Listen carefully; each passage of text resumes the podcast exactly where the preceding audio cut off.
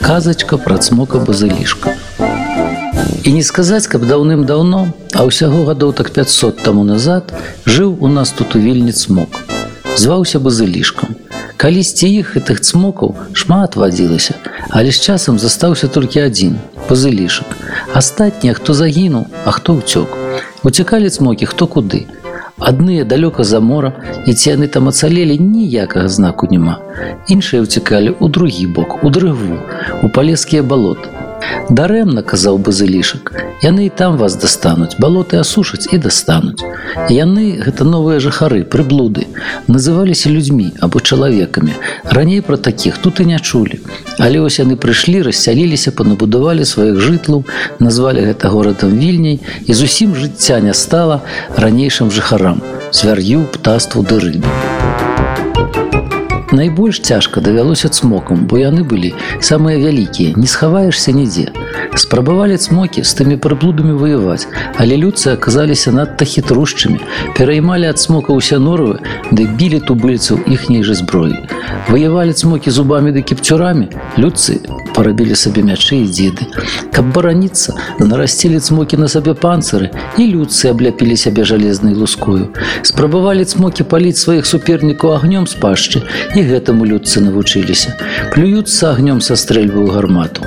Многія цмокі адчаяліся ды кінуліся на ўцёкі, а базылішак вырашыў змагацца да апошняга. Жыў я на беразе рэчкі віленкі непадалёк ад таго месца, дзе віленка ўліваецца ў віллю. Пячора ягоная мясцілася на высокім як бахшта пагорку. Суседнія горкі туровая, лысая і крывая ўжо былі занятыя новымі жыхарамі. Там выселіся іхныя замкі. Гэта ўсё людзі называлі вялікім і слаўным месцам віленскім. Змрочна паглядаў бы залішак на тую вільню, А людзі са злосцю і зайздрасцю паглядалі на гару бакштанскую. Яны б хацелі знішчыць смока ды заняць ягонае месца. Наспявала вялікая бойка, апошняя і вырашальная, але сёння быў яшчэ ціхі мірны вечар. Цмок сядзеў на сваём пагорку разам з сябрам чмялём. Яны хаця і выглядалі надта рознымі, але лічыліся найлепшымі сябрамі. Абодва любілі палётаць пагойціць высока ў небе. Абодвум падабалася пафарсіць яркімі адзёжкамі. Шмель быў апрануты ў агніста рудое футэрка. Ацмок меў бліскучую луску. На сонцы тая лусказе хацела усімі колерамі вясёлкі, а пры месяцовым святле блішчэла жывым срэбрам. А яшчэ яны надта моцна любілі свой родны край і сваю свабоду. На гэтым і пасябравалі. Цяпер жа чмель бачыў, што сябра ягоны засмучаны чаканнем той вялікай бойкі. Эх, чую я, што ўжо блізкі мой канец, але я яшчэ пазмагаюся, Тут смог перайшоў на шэпт. Я прыдумаў новую зброю, якой людзі яшчэ не ведаюць. Трэба навучыцца рабіць страшную морду, каб напалохаць ворага аж да смерці, каб чалавек толькі глянуў і здранцвеў. А як здранцее замрэ, тады яго цоп і праглыну. Ну а калі мне давядзецца страціць галаву, дык і тады гэты фокус з мордай спатрэбіцца. Запомняць мяне так, што і дзеці і ўнукі будуць баяцца, але пакуль у мяне такой жудаснай морды не выходзіць. Я улужаную погляджуся, смех адзіна не морда. Дык вось успомніў пра ваўка. Усе ж баяцца ягонага ваўчынага пагляду, а сёння паклікаў яго да сябе. Хай навучыць. Яго словы перарваў шалёны парыў ветру. У завыла віхура. О які ветер здзівіўся чмель. Не, гэта не ветер, гэта мой госць, адказаў цмок. Угу, гэта я. Каля цмокавай пячоры явіўся воўк. Здароў, браце, сказаў цмок госцю, як пажываеш. Здароўце землякі, якое там жыццё стары стаў, зубы скрышыліся, няма як нават зайца за вуху укусіць. Дык гэта не беда, давай я табе новыя зубы ўстаўлю, залаты. Ведаеш, колькі ў мяне таго золата ё. Я ж гэтых людцаў немало пажэр, а яны моднікі паначапляюць на сябе залатыя цацкі, як злаўлю чалавека. Мяса ды костачкі з'ем, а золатца сплюну і воколькі набралася. Давай, раз'яўляй пашчу, а ты чмель стаў ваўку новыя зубы. І ў момант яны ўляпілі ваўку і справа і злева залатыя іклы. Воўка шчэрыўся, зазірнуў лужыну, спадабалася. Ну што ж, прыгожа, чым магу вам аддзячыць? Можаш, браце, можаш, я рыхтуюся да бойкі з людзьмі і трэба мне навучыцца крывіць страшную морду, каб ад аднаго майго пагляду яны змярцвелі. Воўк пасядзеў, падумаў, тады ашчэрыўся. Ты можа здзівішся, але я не буду вучыць як трэба вылупіць вочы ці высалапіць язык Я навучу цябе, як трэба ўсміхацца. Уяві сабе нашыя пушчы, дзе пасцяцца незлічоныя статкі такіх смачных касулі аленю. Вусны цмока пачалі расплывацца ў сытай задаволенай усмешцы. Успомні рэкі, дзе плюхаюцца такія смачныя самыды стронгі. Успомні чыстае нашае неба, дзе лётаюць чароды тлустых апетытных качак і гусей. Цмокава морда засвяцілася шчасцем. А вось на пагорку, каля тваей пячоры сядзіш ты, гаспадар усяго гэтага багацця. А вось побач твае яйкі, вялікія і гладкія. Там у сярэдзіне нешта пачало грукацца, пэнкнула шкарлупіна і з твайго цмокавага базылішкавага яйка вылупіўся. Чалавечак, што морту цмока перакасіла. Вочы ягоныя бліснулі з такой злосцю і гневам, што спапялілі б на месцы кожнага. Воўк абачліва скочыў і схаваўся ў цмокаву пячору і ўжо адтуль прамовіў: Вось з такой мордай і выходь на сваіх ворагаў. Як ты і хацеў, я цябе навучыў. Дзякуй, але другі раз са мной так не жартуй, заб'ю. Пасля гэткай навукі хеўра разбеглася хто куды. Смок заваліўся спаць, чмель паляцеў у сваю нару, а воўк пабег да свайго логава, што пад вільню, на воўчай лапе, але да воўчай лапы ён не дабег.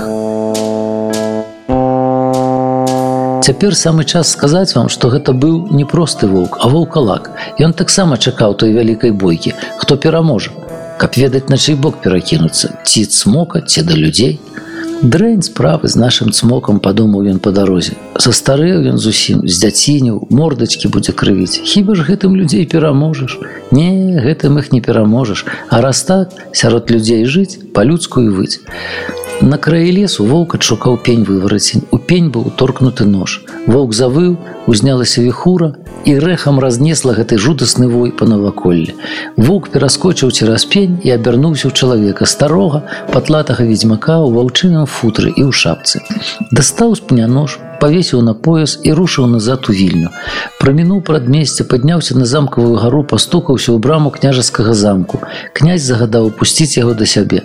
Княжа, ты пытаўся ў мяне, як перамагчы цмока. Дык вось, я прыдумаў. Цмока можа перамагчы толькі яшчэ больш моцны цмок. Дзе ж я табе яго возьму, стань сам.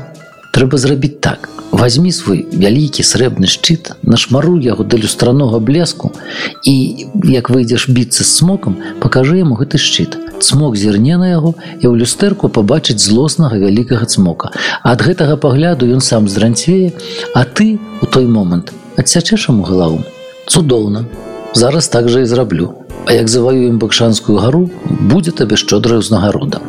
І пайшоў вядзьмак ваўкалак з княжскага палацу у самую вясёлую віленскую карчму на пагулянцы замовіў сабе кварту медавухі і пачаў сам гуляць і ўсіх частаваць.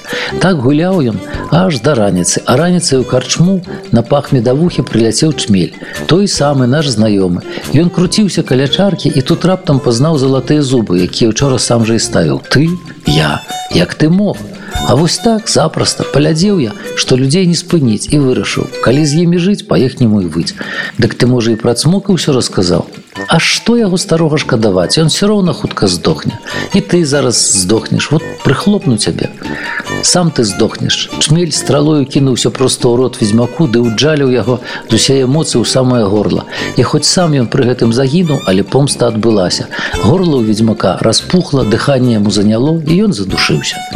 А тым часам князь ужо сабраў войска і выступіў на бойку з смокам, апошнюю і вырашальную княскія гетманы і жаўнеры цягнулі гарматы стрэльбы мячы дзіды а князь толькі пасмеваўся і он жа меў яшчэ больш магутную сакрэтную зброю вялікі пукаты нацёрты да люстранога бляску шчыт. І як толькі падышлі яны да базылішкавай гары князь па-геройску рвануўся наперад. Заспаны цмок пачуўшы нейкі грукаты лязгат на двары высунуўся з пячоры а князь яму тыц і падсунуў под самы нос шчыт люстэрка і ўбачыў наш цмок сваё адлюстраванне. Паколькі шчыт быў пукаты, то адлюстраванне выйшла скажонае страшэнна смешнае. Ад нечаканасці смог зарагатаў ды так моцна зайшоўся смехам што сэрца яго не вытрывала.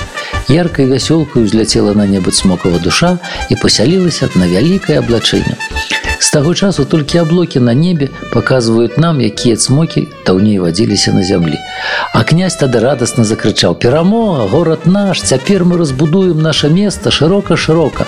Даю загад, каб усе на вільню камяні цігалі. Тут ён убачыў пад нагамі гладкія шэрыя камяні, што ляжалі каля цмокавай пячоры.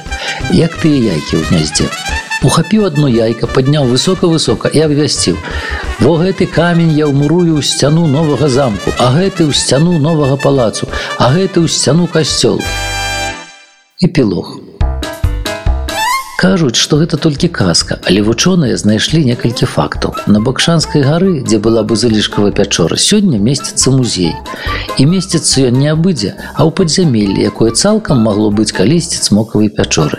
Пра гэта месца і пра цмоку якія тут вадзіліся і сёння яшчэ старыя веленчукі расказваюць жудасныя легенды. Каля падножжа замкавай гары археолагі знайшлі скамянелыя шкарлупіны вялізнага яйка. З такіх яйкаў даўней вылупляліся цмокі Цяпер паглядзець на гэта шкарлупінне можна на вуліцу рублеўска. А яшчэ кожны турыст можа ўбачыць, што ў сценах віленскіх замкаў палацаў і касцёлаў умаравана надта шмат гладкіх камянёў, падобных на яйкі. А на касцёле святого Казіміра адзін з умураваных камянёў недавно пачаў падазрона павялічвацца, так што каля яго абвалілася тынкоўка. Калісьці цмок распавядаў чмялю. Прыйдзе час і гэтыя яйкі пачнуць расці з тых вялікіх яек і вылупяцца сапраўдныя вялікія цмокі.